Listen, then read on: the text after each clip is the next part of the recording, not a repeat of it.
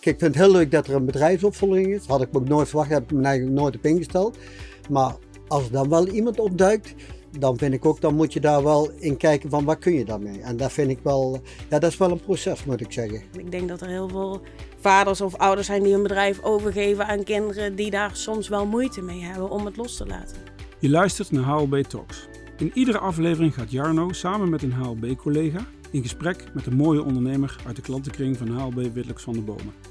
Over wie hij is, over zijn successen en over de uitdagingen die hij ervaart in het ondernemerschap. Vandaag in HLB Talks niet één, maar twee ondernemers aan tafel. Vader Joop en dochter Loes van de Loveren zijn aangeschoven.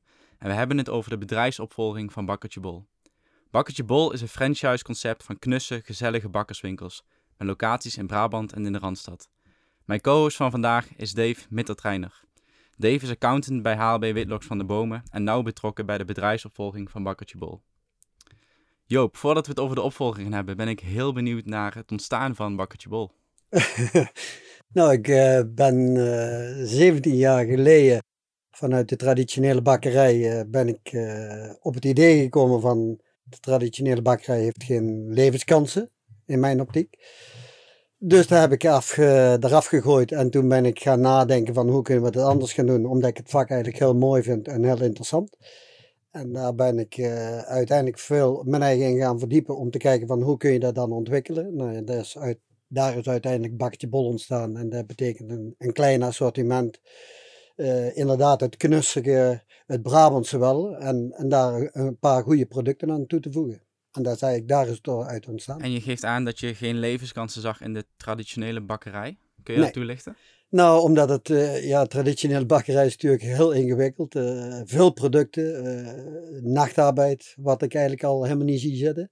het grote nadeel daar vind ik ook van dat je heel veel producten met heel veel derving te maken hebt. En ja, dat, dat begon me eigenlijk allemaal tegen de bos te stoten. Want ik heb eigenlijk hiervoor eigenlijk, denk wel 25 jaar in een traditionele bakkerij gezeten. Ja, en dat begon eigenlijk voor mijn vijftigste te knagen. Denk, denk, nou, dat moet ik eigenlijk niet doen. Dat is, uh, en dat is eigenlijk ook de beslissing geweest om er uiteindelijk uh, een, een streep onder te zetten en te kijken naar iets anders. Ja, je zag eigenlijk ook wel dat de opkomst van de supermarkten daar natuurlijk best wel een rol in hebben gespeeld in die markt. Omdat door die opkomst die had, voorheen deden zij nooit iets met brood. En nu hebben zij natuurlijk in één keer een broodafdeling. En heel lang hebben bakkers geroepen, dat kunnen ze niet. Maar uiteindelijk zie je dat ze dat wel degelijk kunnen. En daar ook best uiteindelijk kwalitatief misschien steeds beter in worden. En daardoor zie je ook wel dat je moet veranderen om ja, eigenlijk mee te blijven doen. En aangezien uh, Joop ook op een stadslocatie zat, is dat natuurlijk ook wel een reden geweest om te kijken, oké, wat past nou in zo'n binnenstad? En dat is natuurlijk anders dan wanneer je in een dorp zit. Eh, en meer een regionale functie hebt. Ja, want ik denk dat iedereen wel bekend is met de dorpsbakker, de bakker om de hoek. Ja. Jij geeft al aan van jullie zitten, um, zaten en zitten nog steeds op echt stadse locaties. Wat is het verschil dan als je gaat kijken naar de bakker om de hoek en een bakker in een, in een grotere stad? Nou, een bakker in een dorp, zeg maar, die heeft dan toch die dorpsfunctie, die regionale functie. Dus daar zal ook best wel nog levensvatbaar voor zijn. Daar heb je natuurlijk wel, die moeten wel een breed assortiment uh, aanbieden. En dat is ook wel vaak een beetje op dit moment de bottleneck in de bakkerij. Dat de assortimenten zijn zo groot, waardoor je dus slechts beheersbaar kunt houden voor, uh, voor je derving. Want derving is natuurlijk best wel, zeker heden vandaag met voedselverspilling, is best wel een issue. Waar je denkt van hoe kun je daar nou de kop in drukken? En ja, heel veel traditionele bakkers durven die omslag eigenlijk niet te maken door te zeggen van oké, daar moeten we eigenlijk in gaan, in gaan krimpen. En dat zou eigenlijk wel beter zijn. Terwijl die wel een goede doorsbak heeft, zeker uh, kansen. Alleen in een stadsfunctie, waar Loes het over heeft, daar denk ik dat dat gewoon heel veel moeilijker is.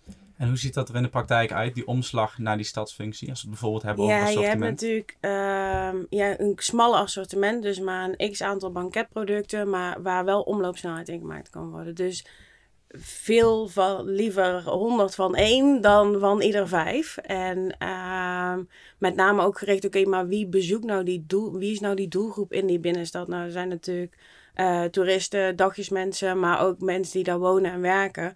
Ja, die willen een, uh, een beleg broodje. Die willen uh, op dat moment een consumptie. En wellicht nemen ze ook nog iets mee voor thuis. Maar dat is niet de mindset van de doelgroep die door een binnenstad loopt. En dat is natuurlijk heel anders dan wanneer je een half tijgerwit gaat halen omdat je thuis nog een boterham gaat smeren. En hoe vertaalt dat zich dan in jullie assortiment? en hoe hou je dan ook rekening met bijvoorbeeld trends die gaande zijn, zoals het vegetarisch en het veganistisch, wat tegenwoordig wel hip is? Nou ja, daar haak je eigenlijk wel op in. Door te zeggen van oké, wat die trends die er ontstaan in die binnensteden, daar ga je naar kijken. En daar is eigenlijk ook heel bakketje bol op, eh, op, op gestoeld, zeg maar, om te kijken van wat kun je daarmee. En dat heeft te maken dat je, wij hebben bijvoorbeeld geen natgebakken. Natgebakken betekent met slagroom en gele room en dat soort dingen. Dus daar hebben wij er allemaal uitgehaald. Omdat je eigenlijk wij zijn eigenlijk helemaal gericht op die impuls aankopen. En daardoor ontwikkel je ook producten, wat jij benoemd heeft, van oké, okay, kun je daardoor vegetarisch iets ontwikkelen wat mensen toch vaak uh, willen meenemen of willen nuttigen. Kijk, wij zijn eigenlijk een stukje een invulling tussen de horeca en de mensen die niet in de horeca willen zitten. En da daar, daar, zit eigenlijk, daar past eigenlijk bakkertje bol tussen. En dat is eigenlijk ook de, de, de filosofie die ik er eigenlijk op de achterna heb gehouden om te kijken hoe kun je daarmee. Wat betekent dat dan voor de doelgroep die met name bij jullie komt? Is dat een specifieke doelgroep? Nou, niet echt specifiek, maar het is wel een hele grote doelgroep. Kijk, waar je heel veel uh, voordelen bij hebt, is dat er, uh, dat er mensen zijn van kantoor. Kantoormensen, die, dat is een hele grote doelgroep. Zeker in binnensteden, waar veel kantoorbedrijven zitten. Dat zijn ook vaak hele trouwe klanten, want die maken altijd zo'n rondje door de stad. Dus daar zijn ook de, de, mensen die je eigenlijk altijd eigenlijk als draagvlak wel hebt. En dan heb je de, natuurlijk de normale consument, die dus de impuls in, eh, aankopen doet om te kijken van wat gebeurt er.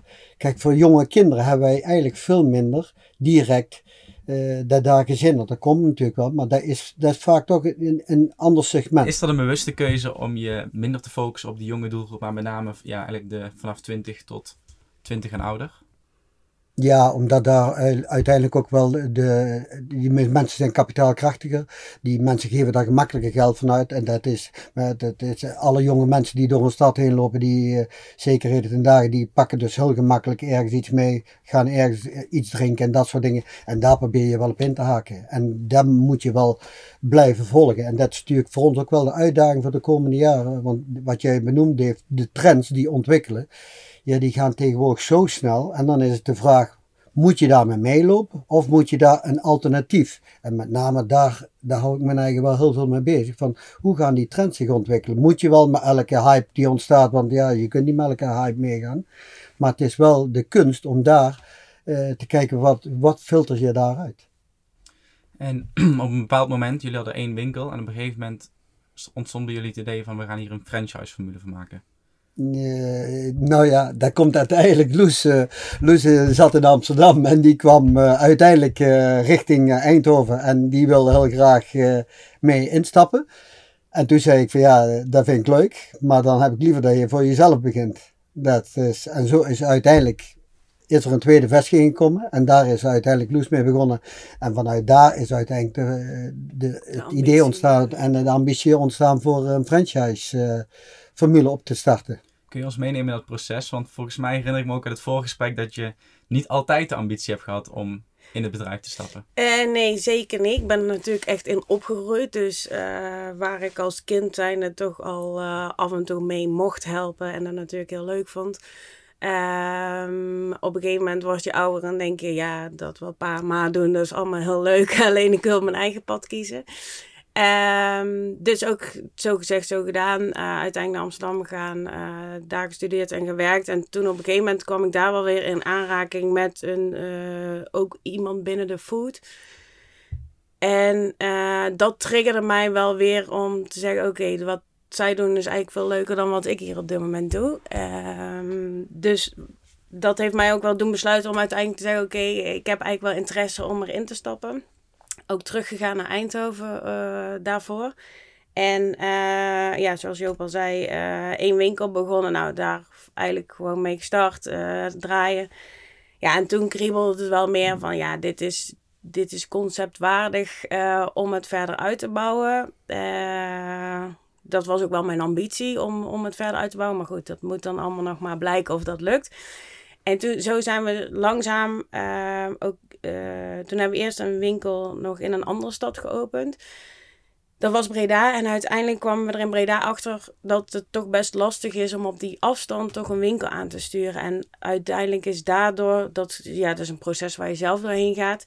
Maar ja, weet je, als je lokaal een franchise-nemer hebt die lokaal actief is, die zit bij het verenigingsleven, die kent daar uh, alle ins en outs van zo'n stad. Dat maakt je uiteindelijk krachtiger in je exploitatie. Want ik ben maar iemand, een passant die daar komt. En iemand die daar in, het, in de samenleving zit, die, uh, die maakt zich daar hard voor. Um, dus toen aan de achterkant eigenlijk de franchise-organisatie gebouwd. Nou, dat gaat echt wel, dat is vooral heel veel juridisch en handboeken en uh, die processen allemaal zorgen dat dat op orde is. Um, dus dat staat eigenlijk alsof we al een uh, hele grote organisatie zijn. uh, we zijn nog zo klein. En nu aan de voorkant moeten we gewoon nog, uh, zijn we nu aan het bouwen. En ja, dus toen is Breda geopend, daarna Den Bosch. En uh, ja, toch de afgelopen jaren wel stappen kunnen zetten in uh, Apeldoorn, Utrecht en Haarlem nu. Dus, uh... En je, je, gaf aan van je kwam, je kwam in het bedrijf en je, je had het gevoel van dit is conceptwaardig. Dus dit kunnen we... Um... Het is dupliceerbaar. Ja. En aan de andere kant moet het zo uniek zijn dat het ook niet te kopiëren is. Dus het, dat zit natuurlijk heel dicht bij elkaar. Um, maar je ziet wel, uh, wat me ook wel uiteindelijk heeft aangejaagd, is ik, heb toen een prijs gewonnen als uh, startende franchise award. En daar was best wel een kritische jury ook die dat bekeek van oké, is dit uh, dupliceerbaar, maar is het ook wel zo eigentijds dat het niet makkelijk te kopiëren is. En uh, nou ja, uiteindelijk uh, gewonnen. Dus dat besef was van mij ook wel op dat moment: oké, weet je, het, het klopt. Het, het hele bedrijf klopt. En nu is het nog een kwestie van gas geven. En, en dan ben ik wel benieuwd, wat maakte dan dat het wel, kopie, wel dupliceerbaar was, maar moeilijk kopieerbaar? Um, zit hem in de combinatie van dat wij natuurlijk de productie in eigen beheer hebben. Dus het hele uh, assortiment aan bakkerijproducten maken we zelf. Dus geen groothandels die daartussen zitten waar we inkopen, want dat kan iedereen. Uh, dat maakt ons heel onderscheidend. Dus met name op productniveau de kwaliteit en um, de uitstraling van de winkels is natuurlijk, uh, ja, daar zit toch wel echt ons DNA ook in. Dat is echt typisch bakkertje bol. Dat, ja. dat zie je ja. meteen. Ja. Ja. ja, dat zonder meer. En die combinatie maakt dat het, ja, dat het aantrekkelijk is. Uh... Nou, en de onderscheiding zit natuurlijk ook bij ontwikkelen al onze recepten zelf.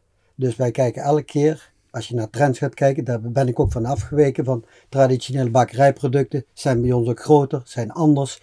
Daar probeer je een andere invulling voor te maken. Dus dat betekent ook dat je een ander prijsspel kunt maken. Dus dat maakt het ook gemakkelijker om een andere move te maken. En dat voor de concurrentie is dat soms niet te begrijpen, maar voor ons is dat een hele makkelijke stap geweest. Kijk, wij doen natuurlijk heel veel een worstenbroodje, maar onze worstenbroodjes zijn bewust langer gemaakt door ze uiteindelijk niet vergelijkbaar te maken met wat er in heel de markt, dat is, allemaal 15 centimeter. En daar, dat verschil, dat, dat zien mensen wel, terwijl ze in de prijs hebben ze dat niet door. En daar zit, wel, daar zit ook wel het onderscheidend vermogen. Dus wij zijn heel wel heel zorgvuldig kijken wij naar onze productie van wat past er wel bij en niet bij. Hè. Dat is ook wat, wat eh, Dave straks al zei met trends. Ik kijk er wel naar, maar ik moet wel een trend kunnen maken dat je kunt zeggen, het moet wel in productiematige dingen moet het wel te, te, doen zijn. Kijk, ik word niet blij van tien, uh, tien productjes maken, want daar, ben ik niet op ingesteld. Maar wel van producten, denk oh, dat kun je op een goede manier produceren. Ziet er ambachtelijk uit, maar het, het, het ambachtelijke vertaalt zich dan toch weer terug naar de winkels. Dus dat is eigenlijk wel de achterliggende gedachte. En als consument zijnde, ga ik verschil merken als ik uh, in de Randstad of in Breda of in Eindhoven een bakkertje bol binnenstap? Of is het vrijwel identiek? Ja, het is vrijwel identiek. identiek. Overal identiek. Overal wordt vanuit, uh, vanuit de hoofdvestiging, vanuit de productie, wordt alles naar, over het land verstuurd, zeg maar. En, dat, en ze krijgen daar ook de begeleiding in en ook de procedures om met de producten om te gaan. Dus dat is overal moet dat hetzelfde zijn. Loes, je gaf net aan dat er heel veel juridisch, uh, ja, juridische taal, juridische handboeken bij komen kijken om zo'n formule überhaupt op te starten. En dan moet je eigenlijk nog beginnen. Um, wat was daarin de grootste uitdaging voor jullie als, als bedrijf zijnde, als, als jong en klein bedrijf eigenlijk nog? Um, dat het een forse investering is voordat je uiteindelijk een franchise-nemer eigenlijk überhaupt aan kan laten sluiten. Dus je investeert heel veel in, uh, in de achterkant, wat niet direct zichtbaar is. Maar wat je wel nodig hebt, wil je een, een bepaalde uh, basis bouwen in je organisatie. Kijk, je kan wel op de voorhand heel veel vestigingen gaan openen en achteraf zeggen: Oh ja, jongens, er moest nog een contract gemaakt worden. Maar dat, ja, je schiet jezelf denk ik uiteindelijk in je voet als het op die manier gaat. En we hebben juist gezegd, nee, we, we willen dat de achterkant helemaal goed is. Zowel voor de franchise-nemer als voor de organisatie. Um, en dan kunnen we duurzaam uh, gaan bouwen. Uh, we hoeven ook geen 300 vestigingen. Uh, het, het, moet, mensen moeten bij ons passen. En is in dat proces HLB ook al ondersteunend geweest? Um, wel in de administratie-inrichting. Uh, en dat heeft met name te maken met dat alle kassa's natuurlijk uh, door dezelfde programma worden ingelezen. Uh, al die data die komt allemaal via HLB Witlocks bij hun, wordt verwerkt via hun. En voor ons is het belangrijk dat wij daaruit de benchmark kunnen halen. Dus daardoor kunnen wij wel vestigingen vergelijken op inkoop, op personeelskosten, op huisvesting. En daardoor kunnen we ook tijdig aan de bel trekken, mocht je ergens signaleren dat mensen achterlopen of dat er te veel kosten gemaakt worden. Nou, daar is ook onze taak en onze verplichting om daar een franchise-nemer aan mee te nemen. En daar in, in heel dat stukje van de achterkant, daar hebben zij wel een groot aandeel in gehad. En Joop, sta me bij dat je nog van de cijfertjes bent. ja, ja, dat weten ze behaal weer. Kun je ons eens meenemen in een mooi voorbeeld van wat jij nou heel graag wilde en waarbij HLB zoiets had van, ja maar Joop, waarom? nou ja, ze, ze, denken daar wel over mee, maar het is, eh, ik vind het wel heel belangrijk om, uh, om cijfermatig, uh, zeker de omzetten, de inkopen, want daar stuur je heel veel dingen op, en om dat goed te doen. En dat is natuurlijk vanuit oudsher is natuurlijk een, een MKB'er is niet zozeer met cijfers bezig. Die denkt, ik, ik heb een bedrijf en ik wil dat ja, en ik ben, ben heel erg geïnteresseerd in cijfers, dus dan kom je wel in een hele andere visie terecht. En ja, dat is natuurlijk wel een proces van jaren, want ik, ik zit al heel lang bij, uh, bij Whitlocks. Voorheen zat ik nog bij, bij Valentijn, uiteindelijk met uh, Robert Molenaar ben ik overgestapt mee naar uh, Whitlocks omdat je gewoon een organisatie nodig hebt. En dat is ook wat je net benoemd, zo'n zo'n franchise-organisatie bouwen daar sta je eigenlijk niet bij stil wat er eigenlijk bij komt kijken, wat je allemaal wil hebben, om al die lijntjes goed te hebben. En dat is ook met het inrichten van een boekhouding. Ik wil, ik wil weten waar, waar die kosten gaan, waar, waar zitten die kosten in, hoe zit die inkoop aan elkaar. En als dat niet goed verwerkt wordt, dan heb je eigenlijk drijfzand waar je eigenlijk niet op kan sturen. En eigenlijk, en ja, met name Dave heb ik het er heel vaak over gehad, cijfers is zo belangrijk om te sturen. Dus daar moet je op, eh, alleen heel veel ondernemers, zeker in het MKB, douw dat een beetje weg. Terwijl ik het wel eigenlijk heel belangrijk vind om daar zoveel aandacht, want je kunt er eigenlijk alles mee. En dat is met name nu ook de rol die ik nu steeds meer naar me toe trek met uh, franchise-nemers. Van oké jongens, dit is het resultaat, kijken jullie naar de cijfers. Ik, dit valt mij op. Luister, ik zou hier aandacht aan geven. Dus, dus dat is wel de wisselwerking die er is. Dus eh, dat vind ik wel, en dat vind ik ook wel het voordeel nu al het is wel een duur kantoor, maar ik vind het ook wel een voordeel dat dit, dit kantoor dan uh, zoveel ondersteuning daarin geeft. Ja, daar hebben wij ook wel erg veel tijd aan besteed samen. En daar hebben wij, heeft Joop ons ook wel eens wat stress bezorgd. Met name op het administratieve stuk, hè, want je hebt een aantal franchise vestigingen en je wil dat die ook allemaal met elkaar vergelijkbaar zijn. Dus dat betekent ook dat die boekhouding voor elke vestiging op dezelfde manier moet plaatsvinden. Uh, daar hebben we heel veel gesprekken over gehad.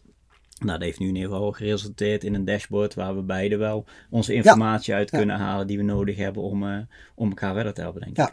Wat wel wat grappig is, toen, toen de vraag net gesteld werd over wat onze rol dan is, dan gaan jullie meteen heel erg op de output, hè, op de administratie en de cijfers. Terwijl natuurlijk ook een hele juridische structuur aan de grondslag ligt. En, en jullie zijn op een gegeven moment samengegaan, nou, daar is Bakketje Holding voor opgericht. Daarna begonnen we over het franchise concept en alle juridische dingen die daarbij horen. Uh, maar ook daar hoort weer een vennootschap bij, de Bakketje Franchise BV.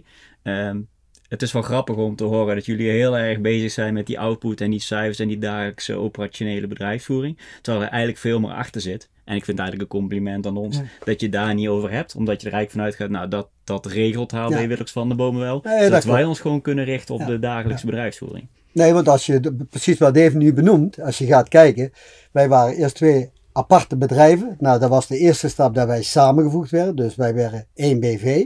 Dus alle twee 50% aandeelhouder. Nou ja, dan ben je weer. Nou, en dat is precies wat Dave nu benoemt. Ja, maar dan moet er eigenlijk een andere structuur boven komen. Dus dan wordt er weer een holding. Nou, alle twee een privéholding. Nou ja, zo bouw je een kerstboom van BV'tjes op. Waar je denkt, oké, maar ja, dat, is, dat hangt ook een hele administratieve boom achter. Dat ik wel eens ooit denk, oké jongens. Moet dat nou allemaal zo moet allemaal, Wij zijn eigenlijk zo klein, dus moeten allemaal. En, en dat gaat allemaal op factuur naar, uh, naar HLB toe. dus dat, dat is wel eens altijd. Uh, en daar moet ik ook wel eens ooit aan wennen. Want het, ja, het zijn natuurlijk ook dure jongens, dat snap ik ook wel. Maar daar probeer ik wel altijd een balans in te vinden. En gelukkig, ik heb met Dave enorm goed overweg om te kijken van jongens waar. En dat is bij meerdere mensen. Ik heb met, uh, voorheen vroeger met Robert Molenaar, dat is een van de partners. Maar daar heb ik wel heel veel steun aan gehad om die input te maken van hoe kun je nou een beleid neerzetten en hoe kun je dat doen. Dus dat, uiteindelijk ben ik daar wel heel trouw in. Ja, en dat, is, dat zijn misschien ook wel zaken die als MKB-ondernemer, kijk, ze moeten gebeuren. Maar je staat er vaak ook niet bij stil. En dan krijg je vanuit kantoor, in dit geval ja. HLB ja. krijg je krijg je wel de, de, de, de ondersteuning van hey, we moeten dit nu eenmaal doen. Juridisch gezien, dit moet nu eenmaal gebeuren. Uh, wij regelen het en maken jullie je maar druk om de output, om de cijfers, om de dagelijkse bedrijfsvoering. En laat ons maar lekker op de achtergrond uh, ja, doen wat er, uh, wat nee, er moet. Dat klopt. Hey, op een bepaald moment, uh, Loes kwam in het bedrijf. jullie werden samen één BV. Um, maar op een gegeven moment komt er een punt dat je het over opvolging van het bedrijf gaat hebben. Ja. Nee. Hoe, ja. is dat, hoe is dat überhaupt in eerste instantie bespreekbaar gemaakt tussen jullie? Um, nou, toen ik eigenlijk heb gezegd van ik, ik heb wel interesse in, toen, um, uh, nou, dat was eigenlijk al in eerste instantie, hadden ze daar helemaal geen rekening mee gehouden dat een van de kinderen überhaupt interesse had. Dus die kwam al een beetje van, uh, uh, die hadden ze niet zien aankomen. En uh, toen had mijn moeder altijd één regel van oké, prima dat jullie dat gaan doen, maar thuis wordt er niet over de zaak gepraat, want uh, we hebben ook nog gewoon een gezin en die doen hier allemaal prima aan mee aan de zijlijn, maar we willen er niet continu iedere kerst mee belast worden. Um, dus zo, zo is het eigenlijk begonnen. En uh, eigenlijk hebben we iedere stap die we hebben genomen wel heel goed afgewogen. Oké, maar wat als het niet goed gaat. En dan met name eh, overlijdensrisico. Uh, wat als een van ons ziek wordt en niet meer in staat is om überhaupt een functie te dragen. Hoe gaan we daar dan mee om? En daar zijn toch wel gaandeweg het proces, is daar continu wel bij ons teruggekomen. En um, dus daar groeien langzaam ook in. Uh, van oké, hoe kunnen we dat nou op dit moment het beste regelen? Nou, toen was Joop uh, nog vijf jaar jonger. Uh, toen, uh, toen dit allemaal speelde. Dus op dat moment was het voor ons nog een, ergens ook wel een ver van je bed show. Van oké, okay, die komt dadelijk op het moment dat hij met pensioen gaat. Het was vooral oké, okay, dat is nog wel een, uh, een jaar of tien We weg. hebben nog even. Ja. We hebben nog even. En langzaam merk je dat dat proces toch wel sneller gaat dan dat je van tevoren bedenkt. Dus uiteindelijk, ja, vijf jaar zijn dan toch stiekem zo voorbij. En uh, ja, dan kom je toch wel tegen de leeftijd, oké, hij gaat eigenlijk een keer met pensioen. En dan mag je blij zijn als hij allemaal in goede gezondheid is en dat hij gewoon een oude dag heeft en nog uh, uh, tot een bepaalde leeftijd er mag zijn. Alleen het speelt natuurlijk op de achtergrond, dan gaan dingen, zo'n proces wordt dan ook in werking gezet. Ja, maar oké, wat als mijn ouders komen te overlijden? Ik heb nog een broertje en een zusje. Hoe gaat dat dan? En ehm, wie erft uiteindelijk wat. En hoe, hoe, hoe, ja, zeker met een bedrijf is dat natuurlijk niet zo eenvoudig. Dus zo gaandeweg is dat proces in gang gezet. En uh, we hadden ook wel heel duidelijk voor ogen: oké, we hebben eigenlijk. Uh, mijn vader wilde heel erg naar mijn broertje en zusje toe ook wel heel duidelijk hebben: van oké, het is nooit een gift geweest aan Loes. Dus het is echt zelf ingewacht, zelf voor gewerkt. En uh, alle uh, neuzen moesten ook tegelijk uh, of dezelfde kant op staan. Maar ook nooit het wantrouwen hebben dat dat ook maar iets in is gegeven of gedeeld. Want dan krijg je natuurlijk achteraf altijd ellende. En dat wilden we niet. Want ik, ben heel goed met mijn broertje en je zusje. Dus dat, dat wil je ook graag zo houden. En je wil niet dat er later door geld uh, uiteindelijk problemen komen. Want dan is geld gewoon lelijk. En, dus nou ja, die, die wensen vanuit mij ook wel op tafel. Aan de andere kant weer gelijk van ja, oké, maar ik ben nu wel degene die in het bedrijf eraan trekt en het mee opbouwt. Dus ja, ergens is natuurlijk ook wel reëel dat de waarde op een gegeven moment stijgt en dat het dan aan mij toe komt. En niet dat ik dan door een erfenis of door een toevallig overlijden in één keer moet gaan delen met broer en zus die hun eigen carrière maken.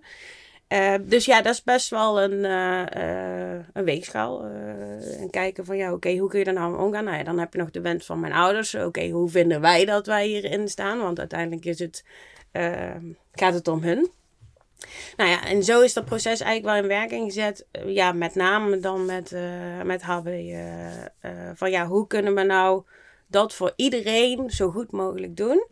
Nou, daar zijn heel veel gesprekken geweest tussen mij, tussen mij en Joop, met Joop en mijn moeder. Ehm, ja, hoe kunnen we dan nou voor iedereen toch zo goed en zo kwaad als het kan? Wat ja, je weet het uiteindelijk niet. Uh, je kan honderd worden en je kan bij wijze van spreken eh, morgen uh, komen te overlijden. Dus ja, daar zit natuurlijk best wel een bandbreedte in. En ik denk dat we daarin heel erg fijn advies hebben gehad in hoe ga je dat nou verder ja, hoe tuig je dat op? Hoe gaat die overdracht van bedrijf van Joop naar mij in zijn volledigheid? Wat spreek je daarover af? Nou, daar hebben ze echt wel, ja, echt wel mijn complimenten over hoe zij dat hebben aangepakt. Stapje voor stapje ons eraan meegenomen. Ook van alle kanten het kunnen belichten. Dus ook hoe is dat dan voor jouw broertje en je zusje? Uh, kunnen die hiermee leven? Iedereen is erbij betrokken. Er zijn, uh, weet je, uiteindelijk is het de beslissing, het bedrijfsmatige tussen mij en Joop. Uh, het stukje vanuit privé, vanuit Joop, is natuurlijk tussen hem en mijn moeder. Van oké, hoe willen ze daarmee omgaan? En dan toch wel het hele gezin bij elkaar uh, aan tafel. Oké, dit is wat er besproken is. En zo gaan we het, uh, zo willen we het doen. Is, heeft, kijk, ergens is het natuurlijk, zijn jullie het hier allemaal mee eens. En ergens is het natuurlijk ook, zo is het ook een beetje. Dus, nou ja, uh, zo zijn we er samen wel uitgekomen. En zo is het ook wel voor iedereen helder wat er staat te gebeuren op welk moment. En dat maakt het vooral heel prettig klinkt ook alsof jullie heel, met, met z'n allen, hè, met alle mensen die betrokken waren vanuit de familie, maar ook vanuit HLB, alsof jullie het heel overwogen en heel bewust en de tijd ervoor hebben genomen om, om, om het goed bespreekbaar te maken. Ja. Um, heel veel um, doemscenario's eigenlijk besproken hebben ja. vooraf, in plaats van achteraf, wat je al zei, dan wordt geld ineens lelijk. Dave, ik ben ook wel benieuwd, hoe, hoe was dat voor jou om je, het zijn best wel intense gesprekken, kan ik me voorstellen, met een familie. Uh, vader, dochter, moeder en broertje en zusje erbij betrokken. Hoe was dat voor jou om, om überhaupt in die gesprekken aanwezig te zijn en het dan ook nog eens te vertalen naar um, ja, juridische taal uiteindelijk? Nou, ik vond dat uh, een hele gave ervaring om dat zo uh, gedaan te mogen hebben. Ja. Uh, kijk, het begint natuurlijk wel bij de wensen die Joop en Loes zelf hebben. En, en daar ja. was onze rol met name om gesprekken met jullie te hebben over ja, wat, wat willen jullie? Uh, wat is de horizon van Joop? Wat is de horizon van Loes? En oké, okay, als dat er zo uitziet, nou dan is dit misschien het goede moment ja. om eens over bedrijfsopvolging te gaan, te gaan praten. Uh, en, en, aan de hand van die gesprekken uh, die we gevoerd hebben, dan schakelen we ook onze collega's in die verstand hebben van fiscaliteit, die verstand hebben van bedrijfswaardering, want dat komt natuurlijk allemaal bij kijken. op een gegeven moment was er een moment dat we zeiden, nu hebben we wel de krijtlijnen staan. Maar dan vind ik het wel belangrijk om ook de rest van de familie aan tafel te ja. hebben. Dus inderdaad, jouw broer, jouw zus en jouw vrouw Joop. En daar hebben we geprobeerd om in een overzichtelijke presentatie de hele familie mee te nemen in de krijtlijnen die we samen hebben besproken. Nou, dit is de insteek die we willen gaan kiezen. Wat vindt de broer en wat vindt de zus en wat vindt de vrouw van Joop daarvan? Ja. Um, en daar hebben we denk ik een hele goede sessie over gehad met, uh, met de familie van der Loveren.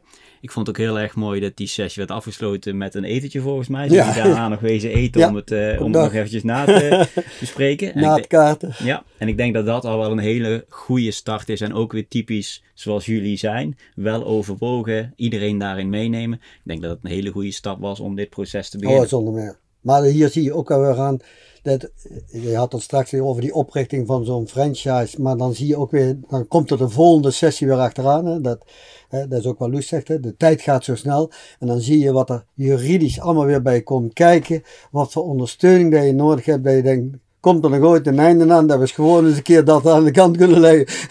met de core business bezig kunnen. Want het is allemaal wel ingewikkeld tegenwoordig. En ik, en ik, ben heel blij dat het goed geregeld is nu. En dat de kinderen ook weten precies wat het is. En, uiteindelijk ben ik nu uit het bedrijf zelf. Dus Loes die kan nu zelf verder. En, maar het zijn wel enorme stappen die je moet nemen. En gelukkig, dan ben ik heel blij dat je het goed met elkaar kunt vinden. En dat je het ook weet van, hè, ik wil ook niet dat Loes uh, stel, want je kunt niet in de toekomst kijken. Ik, dat is ook, was ook een van de voorwaarden die ik vooral stelde. Ik wil niet hebben dat zij straks, als er iets overkomt, dat zij mij een molensteen om de nek. Omdat ze toevallig zeggen, ja, ik heb jouw bedrijf gekocht. Maar ja, ja hoe ligt er over tien jaar de wereld bij? Dat weet ik niet. Dat weten we geen van allen. Dus, dus daar wilde ik ook wel een beetje... Ik, ik vind het heel leuk dat er een bedrijfsopvolging is. Had ik me ook nooit verwacht. Heb ik me eigenlijk nooit op ingesteld. Maar als er dan wel iemand opduikt dan vind ik ook, dan moet je daar wel in kijken van wat kun je daarmee. En dat vind ik wel, ja, dat is wel een proces moet ik zeggen. ook omdat je andere kinderen hebt. Heb je in dat proces wel eens uh, zorgen gemaakt van, hey, komt dit wel goed? Met name ook omdat je dus heel veel input krijgt, uh, juridisch, fiscaal, allemaal dingen waar je eigenlijk nooit over na zou denken. Dat je denkt van, goh, dit is toch wel toch wel veel om dit allemaal geregeld te krijgen. Heb je daar wel eens druk om gemaakt in, in Nee, nee, daar moet ik zeggen, dan daar heb ik wel heel veel ondersteuning aan HLB om te kijken van welke kant wil ik op. En, en dat heeft natuurlijk omdat je jarenlang klant ook bent, dat je dan ook op een gegeven moment weet van oké, dat is wel de richting. Loes en ik hebben het er heel vaak over. Hè. Wat kun je daarmee? Wat moet je daarmee? Wat zijn jouw wensen? Hoe kun je jouw gezin afschermen? Hoe kan ik mijn, mijn pensioen afdekken. Wat kun je daarmee? Nou ja, wat kun je, hoe kun je daar verder ontwikkelen? Kijk, ik, ik wil heel graag nog jaren doorgaan als het even kan. Alleen ik vind wel dat het juridisch wel geregeld moet zijn. Want ik kan, ja, ik ben nu 65, dus ik kan ook morgen bij wijze van spreken omvallen. En dan zit zij met het probleem. En daar, is, daar ben ik wel blij mee dat dat nu allemaal geregeld is. En zo terugkijken op het hele proces, wat, wat waren... Uh, wat, was het lastigste onderwerp om, om met elkaar bespreekbaar te maken? Volgens mij kun je heel, heel open en heel goed met, ja, over alles met elkaar praten. Maar wat was nou iets waarvan je zegt van, hé, hey, dat vonden we toch, dat was een uitdaging, dat was lastig om dat, om dat te bespreken? Nou, lastig niet. De, de waardebepaling vind ik wel. de waardebepaling, de, ja, prijsbepalen, waarde is, ja, wat, wat is een waard? Wat is iets waard? Dat is, hè, als je morgen de, eh, onder mijn bedrijf, zeg maar, stel dat Loes niet was, ik moet het morgen op de markt zetten, waar levert het dan op? Nou, heb je een, een dochter die daarin verder wil ja, wat is waarde? Wat We leven natuurlijk in een hele rare tijd, want de bedrijfswaardering gaat altijd op basis van toekomstige winsten. Nou, we hebben net COVID-19 achter de rug, alle grondstofprijzen zijn ontzettend aan het stijgen. En ga dan maar eens een bedrijf als het jullie, ga dat maar eens waarderen. Dat is natuurlijk super lastig. Ja, dat is heel lastig. En dat maakt het ook wel, en dat is ook voor de toekomst gericht, dus daarom willen we ook bewust, en daar hebben we ook wel in het contract opgemaakt, er is, er is een basisprijs afgesproken en er is altijd nog een nog een, een ophoging geweest, maar dan moeten ze zich wel kunnen ontwikkelen. En daar heb ik dan wel vrede mee, want ja, uiteindelijk vind ik het belangrijker dat zij dat bedrijf door kan zetten, dan dat ik denk van oké, nou krijg ik een zak met geld en die zak met geld, dan staat bij mij op de bank en denk ja, wat moet ik er uiteindelijk mee? Terwijl ik het wel heel erg mooi vind als zij het bedrijf verder kan doorbouwen en zeker omdat ik met Bakje Bol ben begonnen, 17 jaar geleden, om te zeggen, waar, hoe kan ik dat? En ja, dat je dit toch kunt uitrollen. Want dat is uiteindelijk loester ambitie. Maar ik, ja, ik ondersteun natuurlijk die ambitie van harte. Want ik vind het heel leuk om dat weer verder uit te rollen. Nou, wat daar wel belangrijk in is, en dat bedoel je het zelf ook al. Je hebt ook nog twee andere kinderen. Ja. En je hebt natuurlijk ook een vrouw. Ja. Ehm, de gesprekken die wij gehad hebben bij, uh, bij ons kantoor met de hele familie. Hoe zijn die door jou en Els ervaren? Met name door Els. Nou, Altje vond het heel prettig, heel open structuur, eh, ook naar de kinderen toe, eh, die daar ook over meedachten. Ik heb ook nog een andere dochter, die uh, zit ook in het financiële werk, ook zo nog zo'n slimme tante, die dan ook nog kritische vragen gaat stellen. ik heb nog een vrouw die kritische vragen stelt, dus, maar uiteindelijk hebben ze daar wel heel veel vrede mee. En dat is, en, en dat is ook goed dat die openheid, en met name een collega van, van Dave, Loes, die, die daar ook echt enorm goed op een menselijke manier begeleid. Want je kunt natuurlijk fiscaal natuurlijk kun je heel strak iets afwerken. Maar er zit natuurlijk ook nog een menselijke aspect. En daar moet ik wel, daar, hebben, daar vond ik ook wel heel erg prettig. Daar hebben we ook wel heel erg als prettig ervaren. Bij de presentaties van, ja, er zit, het is altijd het is een, wisselwerk. uiteindelijk. Zijn er dat proces wat jullie, uh, zoals ik het al heel, heel prettig hebben ervaren. Zijn er nog strubbelingen geweest dat je dacht van, oeh, ik weet niet of ik me hier helemaal goed bij voel, of, of, of moet dat wel op deze manier? Heb je daar voorbeelden van? Nee, eigenlijk niet. De, Nee. duur, de duur van het traject, de looptijd? Nee, want ja, de, de- weet je, de, hoe lang zijn we daarmee bezig geweest? Ja, Anderhalf. anderhalf jaar. Anderhalf jaar. Ja, dat is. Het moet ook even op je. Weet je, je hebt een gesprek erover. Je denkt erover na. Oké, maar wat betekent dit voor mij? Wat betekent dit voor de rest van het gezin? Dat moet ook allemaal even bezinken voordat je dan denkt: oké, hier kunnen we. Oké, we voelen ons hier goed bij. Oké, we gaan maar regelen. Weet je, dan is, iedere keer is het een stapje dichter bij het eindpunt. En eh, nee, ik heb niet echt dingen als struggle ervaren. Eigenlijk helemaal niet. Nee, nee, het is vooral eigenlijk wat erbij komt. Kijk, want toen, toen de overname in gang werd, maar toen kwam ook weer tussen Els en mij weer het, dan komt er weer een testament boven. Hoe is je testament gekregen? Dus dat is de volgende fase die er weer in gaat. Dus dan moet je je testament weer aan laten passen. Dan kom je in een fase dat, stel dat Loes komt overlijden in een hele korte tijd. Waar, wat moet ik dan maar met bedrijf? Nou, zij heeft een gezin, dus daar, hebben we ook al, daar is ook weer een stichting tussen gezet. Om uiteindelijk te zorgen dat ik daar toch nog invloed op heb om dat bedrijf dan af te kunnen. Want ja, dan, dan zal het niet meer zo zijn dat ik dat bedrijf kan voorzetten, want dan is de leeftijd. Dus dat, dat zijn allemaal facetten die erbij komen waar je eigenlijk niet 1, 2, 3 bij stilstaat. Maar waar je wel geregeld wilt hebben. Want ja, het kan gebeuren. Je hoopt eigenlijk van niet, want je hoopt eigenlijk dat het allemaal ja, ik zal niet zeggen weggegooid geld is, maar uiteindelijk moet wel geïnvesteerd worden. Maar eigenlijk, ja, dat, dat zijn wel allemaal aspecten die erbij komen. Het is natuurlijk heel erg mooi dat je het bedrijf overdraagt van, van vader op dochter. Ja. Eh, maar we hebben het vooral heel veel over slecht, slecht nieuws scenario's. Ja. en, wat moet, en wat willen jullie dan? Wat Ja. moet er dan geregeld Ja, worden? ja, Ja. dat is het. Ja, en als ik, als ik zo hoor over de looptijd, dan blijkt eigenlijk ook dat je zo'n proces wil je niet heel snel afronden. Want dan Nee. kun je het emotioneel misschien niet bijbenen. Nee. Je wil dus inderdaad, wat je zegt, gesprek voeren, dat laten bezinken, erover nadenken, misschien thuis nog over hebben. Eh, ook al was het niet helemaal de bedoeling volgens eh. Maar, ehm, Nee, maar, dat nee, gebeurt speelt natuurlijk toch? wel mee. Kijk, uiteindelijk speelt het nog mee. Kijk, ik heb ook gewoon mijn gezin eh, die uiteindelijk, ja, als ik wegval, moet daar ook iets voor geregeld kunnen zijn. En, maar ik wil ze ook niet opzadelen eh, met, eh, oké, we hebben in één keer een bedrijf in ons maag gesplitst. Wat moeten we hiermee? Dus weet je, je zit natuurlijk enerzijds met eh, de financiële afwikkeling, maar ja, je zit ook gewoon met, oké, ja, morgen gaat dan toch weer die winkel open.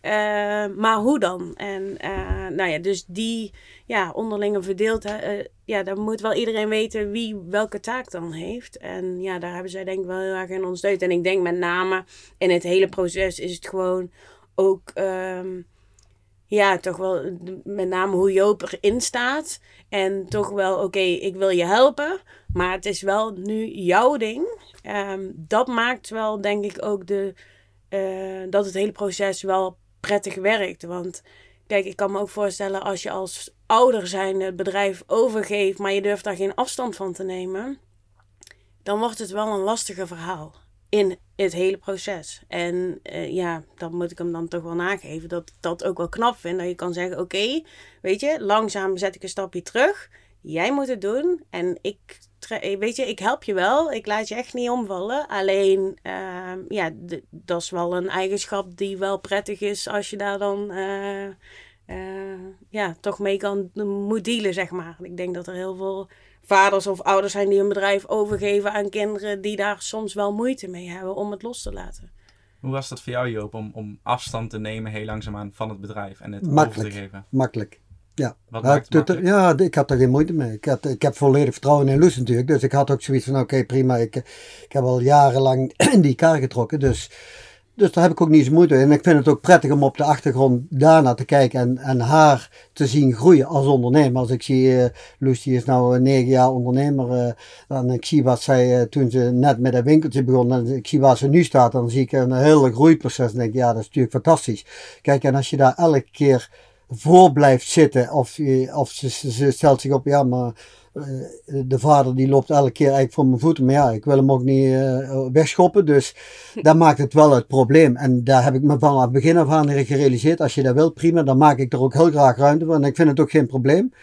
En daar houdt het ook wel. Hè, wij, wij, zitten natuurlijk samen vaak op kantoor en hebben vaak uh, uh, discussiëren we vaak. Maar dat gaat altijd wel eigenlijk een goede harmonie. We zijn heel kritisch naar elkaar. We proberen er ook wel op de pijnpunten te letten. Maar uiteindelijk weten we wel oké, maar we bedoelen wel alle twee de goede richting. En ja, daar pikt dan Loes eigenlijk wel heel fantastisch op, moet ik zeggen. Dus daar ben ik ook wel, uh, ja, eigenlijk wel trots op. Merken jullie dat er nu iets is veranderd? Nu het bedrijf dan volledig van Loes is? In jullie samenwerking?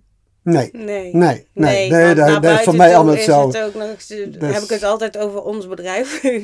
dus nee, alleen ik merk wel als ik dan uh, iets moet regelen. Uh, bij de bank of dingen. Ja heb ik nou natuurlijk zijn handtekening of dergelijke niet meer nodig. Dus dan is het in één keer... het makkelijker op maken. ja, met contracten opstellen, weet je, de, dat soort dingen. Dan moet ik me echt bewust, oh ja, ik moet hem daar nu uithalen. En ja. niet meer erbij, uh, ja, dat soort dingen. Maar, ja, nou ja, die dus... dingen komen nu boven. We zijn nu bezig met een huurcontract voor het 8 septemberplein. En, en daar stond op Loester naam als eenmanszaak. En nu zien er tien jaar voorbij. En dan zegt dat bedrijf van...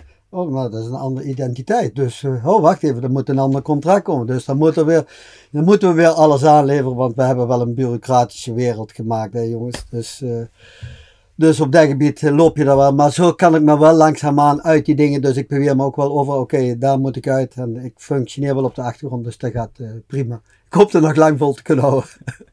ik heb nog voor jullie beiden een vraag. Um, voor mensen die in hetzelfde schuitje zitten als dat jullie zaten een aantal jaar geleden. Uh, bedrijfsopvolging binnen de familie. Eerst Joop, um, wat wil jij een vader of moeder of een, of een oude of, of, een, of een echtpaar die het bedrijf over heeft, wat wil je hun meegeven van hey, hier zou ik op letten of dit is, dit is mijn advies voor jullie in die overdracht naar kids toe? Uh, ik denk wel heel erg belangrijk is dat uh, geeft, die, geeft die kinderen de ruimte om zichzelf te ontwikkelen. En, en doe vanaf begin af aan een stapje terug. Uh, kijk, tuurlijk zit er, als je ouder bent, zit veel kennis en ervaring en, en dat soort dingen. Maar laat dat niet op de voorgrond steeds drukken. Want dan, daar kom je echt voor jezelf in de problemen. En uiteindelijk moeten je, je kinderen ook tegen dingen aanlopen. Dat is oké, prima, dan moet ik daar ook, hè, daar zei ik ook tegen Loes, jij moet, het, jij moet het doen, dus jij moet het doen. En natuurlijk wil je ze niet in alle sloten tegelijk laten lopen, maar soms dan weet je wel, oké okay, jongens, hoe gaan we hiermee op? En dat is vaak wel de discussie die je dan samen op kantoor kunt voeren van, oh hey, ben daar kritisch in, maar probeer daar niet je stempel op te drukken. Dat zou ik zeker niet doen, want dat, zo ervaar ik het ook, hoor, om niet die stempel te drukken. Dus durven los te laten, ja. wel vertrouwen geven, ja. maar ook kritisch blijven. Ja, dat is zonder meer. En ik moet zeggen dat ik daar tot op heden heel erg tevreden over ben. En Luus, als ik de vraag aan jou stel? Uh, met name in gesprek blijven. Echt gewoon alles op tafel leggen. Dus zowel, oké, okay, maar hoe zie je, weet je, ook, ja, het is heel vervelend om te praten over dat je vader gaat overlijden of met pensioen gaat. Maar dat moment gaat gewoon een keer gebeuren. Ja, daar kunnen we, uh, weet je, aan iedereen's leven komt een keer een eind. Ja. De vraag is alleen wanneer. En ik denk met name dat soort wensen en uh, hoe, staan, hoe staat de ander daarin ja, alles gewoon wel open kaart en bespreekbaar maken.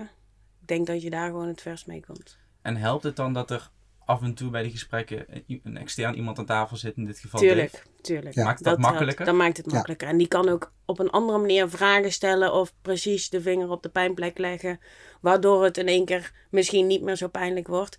Um, dus ja, dat heeft er denk ik wel allemaal mee te maken. Dat, uh, dat zeker. En je hebt gewoon binnen. Kijk, je hebt natuurlijk je gezin van vroeger uit, vader met de kinderen. Maar ja, inmiddels hebben wij ook allemaal weer ons man en gezin en kinderen. En ja, dat, die hebben ook allemaal weer daarin hun uh, zegje. Ja. Uh, en dat speelt natuurlijk allemaal mee. Dus ja, ik, ik denk op stip met één uh, blijf overal over in gesprek. En dus voor families die misschien wat minder open naar elkaar zijn als dat jullie dat zijn. Want volgens mij zijn jullie ontzettend, uh, ontzettend open naar elkaar. Dan kan het dus enorm helpen om gewoon ja. met een extern iemand ja. om tafel ja. te gaan zitten. Nou ja, het belangrijk is van zo'n externe partij. En dat is zeker met Dave, die weet dat. Kijk, ze monitoren de, de hele organisatie. En ze gaan in gesprek en ze geven aan, maar hey jongens, dit valt me op. Ik heb dan met Dave elk jaar ook gesprekken over van, hey, dit, dit speelt, wat moeten we hiermee doen? Nou ja, wat hij niet kan oplossen, dat filtert hij wel door in de organisatie. En dan zie je wel en dat is natuurlijk wel het voordeel ervan, als er alle disciplines binnen een organisatie zitten, kun je dan ook wel makkelijk schakelen. En daar, houd je ook wel overeind, moet ik zeggen. Dat, dat, daar zie ik ook wel de meerwaarde in van een grotere organisatie, waar je nog eens kunt aankloppen van oké, okay, hey, dit moet eigenlijk ook gebeuren. Ook al is dat, ja, dat het een kostbaar verhaal is, maar van de andere kant, het geeft je wel overzicht wat er gebeurt. En dat maakt het voor ons ook weer als, als vader, dochter, zeg maar, maar ook naar de rest van de familie wel makkelijker dat je dan zegt, oh wacht even, ja, daar moeten we eigenlijk ook nog eens aandacht. Want het is gewoon, ja, een bedrijf voeren is ook wel ingewikkeld. Ja, we, hebben, we hebben veel scenario's de revue laten passeren. Eén um, ding staat me ook weer bij het voorgesprek, Joop. Um, je zei van je kunt je druk maken en dat moet misschien ook. Heel veel scenario's doen zich, uh, doen zich in de ronde. Maar uiteindelijk draait het allemaal om geld, zei je. En ik vond ja. dat een hele mooie relativerende opmerking. Maar misschien kun je hem vanuit jouw perspectief nog eens toelichten. Wat bedoelde je daar precies mee?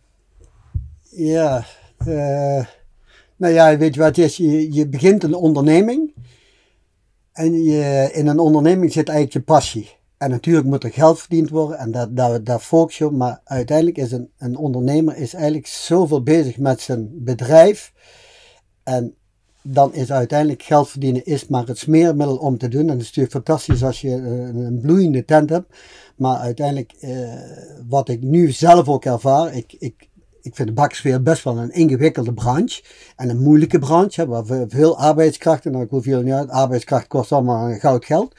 Maar daar leert mij wel uit. Kijk, ik ben nu uh, 38 jaar voor mezelf en denk, nou oké, ik heb al 38 jaar als zelfstandige ondernemer met alle ups en downs en met van alles erop. Denk ja, dat, dat geeft mij wel steeds de motivatie. En dan, dan is geld verdienen is heel leuk. Maar uiteindelijk, als ik nu zie waar ik nu sta, en zeker nu dat ik een opvolging heb als mijn dochter, dan denk ik, ja, uh, ik had misschien wel iets anders kunnen doen. Had je misschien uh, multimiljonair geweest, bij wijze van spreken. En denk, ja, ben ik dan nu gelukkig? Ik ben er heel happy mee. Ik, ik zou het morgen weer exact hetzelfde doen. Want dat vind ik leuk aan het ondernemen. En de, ja, dat daar een goede boterham verdiend wordt, dat vind ik dan het tweede ervan. Dus dat speelt wel een rol. Mooi, sluiten we daarmee af. Ik wil jullie enorm bedanken, Luus, Joop, Dave. Vond het een mooi gesprek. En ik hoop dat uh, luisteraars in dezelfde situatie daar uh, veel aan gaan hebben. Graag gedaan. Graag gedaan. Graag gedaan. Bedankt voor het luisteren naar HLB Talks. Wil je meer weten over onze dienstverlening? Kijk dan op onze website hlb-wvdb.nl.